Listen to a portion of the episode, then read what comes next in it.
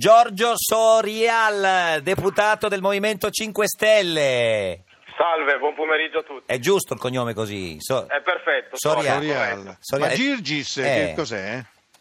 Girgis è il nome, è Girgis in realtà, lei- Girgis. È, è il nome greco, è il nome per l'appunto greco antico, che vuol dire Giorgio. Ma come... Quindi- gre- Ah, Ah, Ge- Ge- Ge- Georgis, no, scusi. Eh, no, quelle cose così. scusi, signor- dica, mi dica. No, signor S- Sorial, scusi, lei si chiama Giorgio... Soria, so, mettiamo l'accento. Sorial, sulla O, allora, lei sì, si chiama- ecco, è anche più lombardo. Lei si chiama Sorial di cognome. E, Perfetto. e Giorgio di nome. Sì. E, Gi- Esatto. e Girgis dove lo mettiamo? Prima di Sorial o, o- o- o dopo? Allora, possiamo anche eliminarlo perché già ho capito che creerà... No, no, ma è per Esatto. saperlo, No, guardi. Girgis, non fare così, dai, ti Eh. chiamiamo eh, No, no, Giorgio io non faccio- Girgis, No. anzi Gorgio. Giorgio va benissimo e Girgis va benissimo lo Ma stesso. quindi potrebbe essere Girgis Sorial Esatto, esatto. o Giorgio Sorial, uguale. Eh, sono, era sempre la stessa persona e sono io. Quindi Sì, c'ha un- Giorgio, eh, eh, devi, devi sopportarlo un attimo, sì. sta male No, oggi, no, no. quindi... Non, Quindi eh, lei ha un nome eh, greco Sì? perché... Un nome copto, un nome copto. Copto, Ah. per Copto, ecco. esattezza. Ma Esatto, tu il sì. copto lo sai? Eh, Allora, il copto è greco antico eh, Mm. e quindi ha le lettere praticamente del greco, eh, però è, è copto e quindi è una- un accento leggermente differente, ma è come se fosse greco antico perché, come sapete, per l'appunto, in Egitto, impero romano bizantino, eh, impero romano d'Oriente, si parlava per l'appunto il, il greco Dico, antico. Sì, io lo sapevo, ma il simpatico Lauro non No, lo sapeva, Perché lei è ignorante. figlio, è figlio di due genitori egiziani. Ah, ecco perché Giusto. ora sto arrivando. Eh, I due, perché- eh, ecco. corretto, e su questo siamo sicuri, egiziani pure. Pure, Anche e lei è nato a Brescia. Io però sono, sono bresciano, Bresciano. sto cercando di appiattire un pochino l'accento perché Sì. ogni volta che rientro a Brescia, a Bergamo, abbiamo qualche giro da fare, poi arrivo a questa cadenza un pochino un po' più forte. Quindi se ha due genitori egiziani eh, avrà degli Esatto. ottimi rapporti con il signor Faraone che è in studio con noi oggi, signor Sorial. Mm, Siete Bella, parenti bella, praticamente. Complimenti. No. complimenti. No, È per- da due ore che ricostruiscono per No, arrivare lì. No, no, per sapere. Complimenti per il collegamento. No, no, vabbè, no, no, no, no. no. Ve- No, invece, ma perché eh, quando tu sei stato eletto, qualcuno, qualcuno addirittura ha scritto che tu eri un estremista musulmano. eh, sì. Sì, diciamo che quando sono stata eletta ne ho sentite di tutti i colori, perché per l'appunto quella più immediata è stata questa, anche se eh, diciamo che in realtà eh, ho visto tutt'altro, sono cristianissimo, siamo per l'appunto cristiani. Lei è un cristiano I copti copto, sono- giusto? Esatto. Come, esatto. come, diciamo i 21 egiziani che sono stati, eh, uccisi, eh, stati rapiti e uccisi da- dall'ISIS pochi giorni fa. Purtroppo sì, sì, Esatto. esatto. E per questo motivo in questi giorni lei eh, ha dichiarato che capisce la reazione del- dell'Egitto, cioè i bombardamenti eh, in atto in questi giorni contro, contro l'ISIS. Io ho dichiarato sì, ho dichiarato che comprendo il motivo politico per cui Al-Sisi, attuale presidente egiziano, abbia voluto nell'immediato far vedere una propria reazione. Perché adesso entriam- entrando un pochino un po' più nel serio, eh, la situazione egiziana, soprattutto per i copti, non è una situazione che si può riassumere solo nelle ultime ore con Mm. eh, i 21 decapitati. In realtà la, mi- la minoranza cristiana in Egitto, che conta il 10-12% della popolazione, purtroppo negli ultimi anni ha subito una serie di attentati sia eh, proprio per le comunità sia da- davanti alle chiese con autobombe Eh, se, se voi vi ricordate c'è stato anche un attentato qualche anno fa proprio la notte di Natale eh, di fronte a una chiesa ad Alessandria Mm. con un'autobomba eh, che, è, che è esplosa nel momento in cui uscivano i fedeli dalla, dalla celebrazione di Natale e Certo. quindi sono ormai anni che eh, i cristiani in Egitto eh, subivano questa serie di violenze. Mm, E quindi non ti Cioè, Negli meraviglia ultimi- che adesso gli egiziani ti ven- eh, vogliano vendicarvi dopo che vi hanno un po' eh, No, discriminato? allora, eh, innanzitutto quando bisogna stare attenti, nel senso che quando si parla di egiziani si parla di egiziani, quindi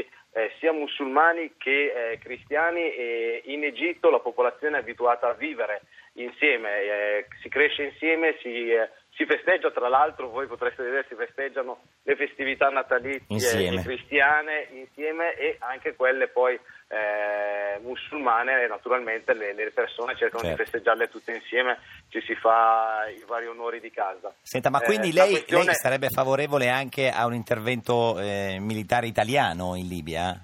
Io sono contro la violenza, Sì. eh, partiamo da questo presupposto. E quando io dico capisco la reazione eh, di, eh, di Al-Sisi, è per il semplice fatto che ne- agli occhi degli egiziani è ancora fresca mh, l'annata passata sotto il governo di Morsi.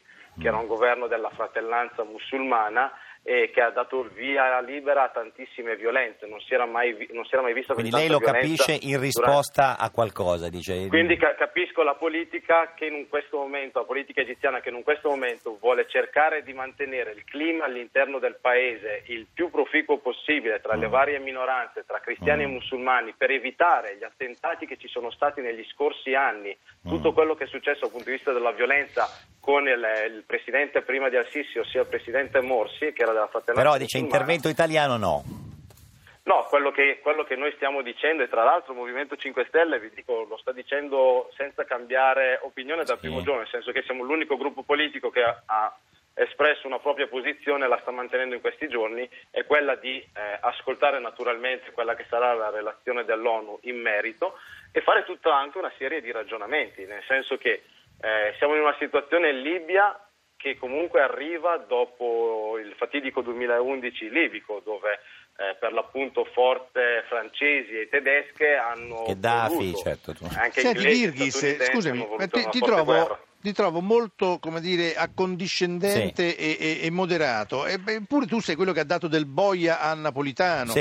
eh, sei quello che ha parlato di porcellini del porcellum, quello che ha detto l'ennesima porcata il decreto Salva Roma, che l'esecutivo Allora. è schizofrenico. Tu sei un, un- un- uno- un vio- un violento, tra virgolette, insomma, sei uno molto... No, no, asso- molto, eh? assolutamente no. Io sono quello che ha utilizzato paragoni e parole forti Sì. per descrivere situazioni politiche imbarazzanti eh, a livello proprio parlamentare. Lei ha Eh. ricordato la questione per l'appunto eh, del decreto IMU Banca Italia. Però dove quella si è più messa forte la- era- dove si è era messa- Napolitano-Boia, quello lì era dove quella si più è messa- forte, sì. Quella lì no, in realtà io ho fatto un'allegoria, Ah. ho fatto una... eh, Un'allegoria? un, para- un para- sì, un paragone Tra il napolitano pa- e un paragone boia, certo, sì. tra il fatto che, tra il fatto che per giorni abbiamo sentito parlare di ghigliottina e la ghigliottina non ne ha parlato Soria Giorgio ma ne ha parlato la Boldrini, ne ha Certo. parlato la maggioranza, ossia per l'appunto non permettere a nessuno delle opposizioni di parlare su un decreto che era veramente squallido come il decreto IMU Banca Italia con cui si sono regalati Insomma, un sacco per quel di soldi motivo alle gliel'ha detto, banche. se- e quindi per,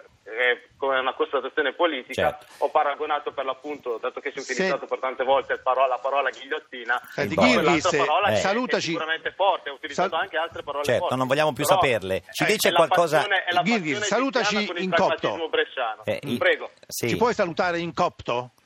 No, io vi posso salutare in arabo. In arabo, perché Ah. come adesso si dice in 5 Egitto- Stelle in arabo? Ha- Hamas Negum. Mm, meglio 5 Stelle. Ma eh, il 5 Stelle. E farao- Faraona come si dice in arabo? Farana. Farana, Davide Farana, ma non lo so. Eh. Signor Soria, ci saluti e Farana, Grillo no, no, se lo- Farana. se lo vede.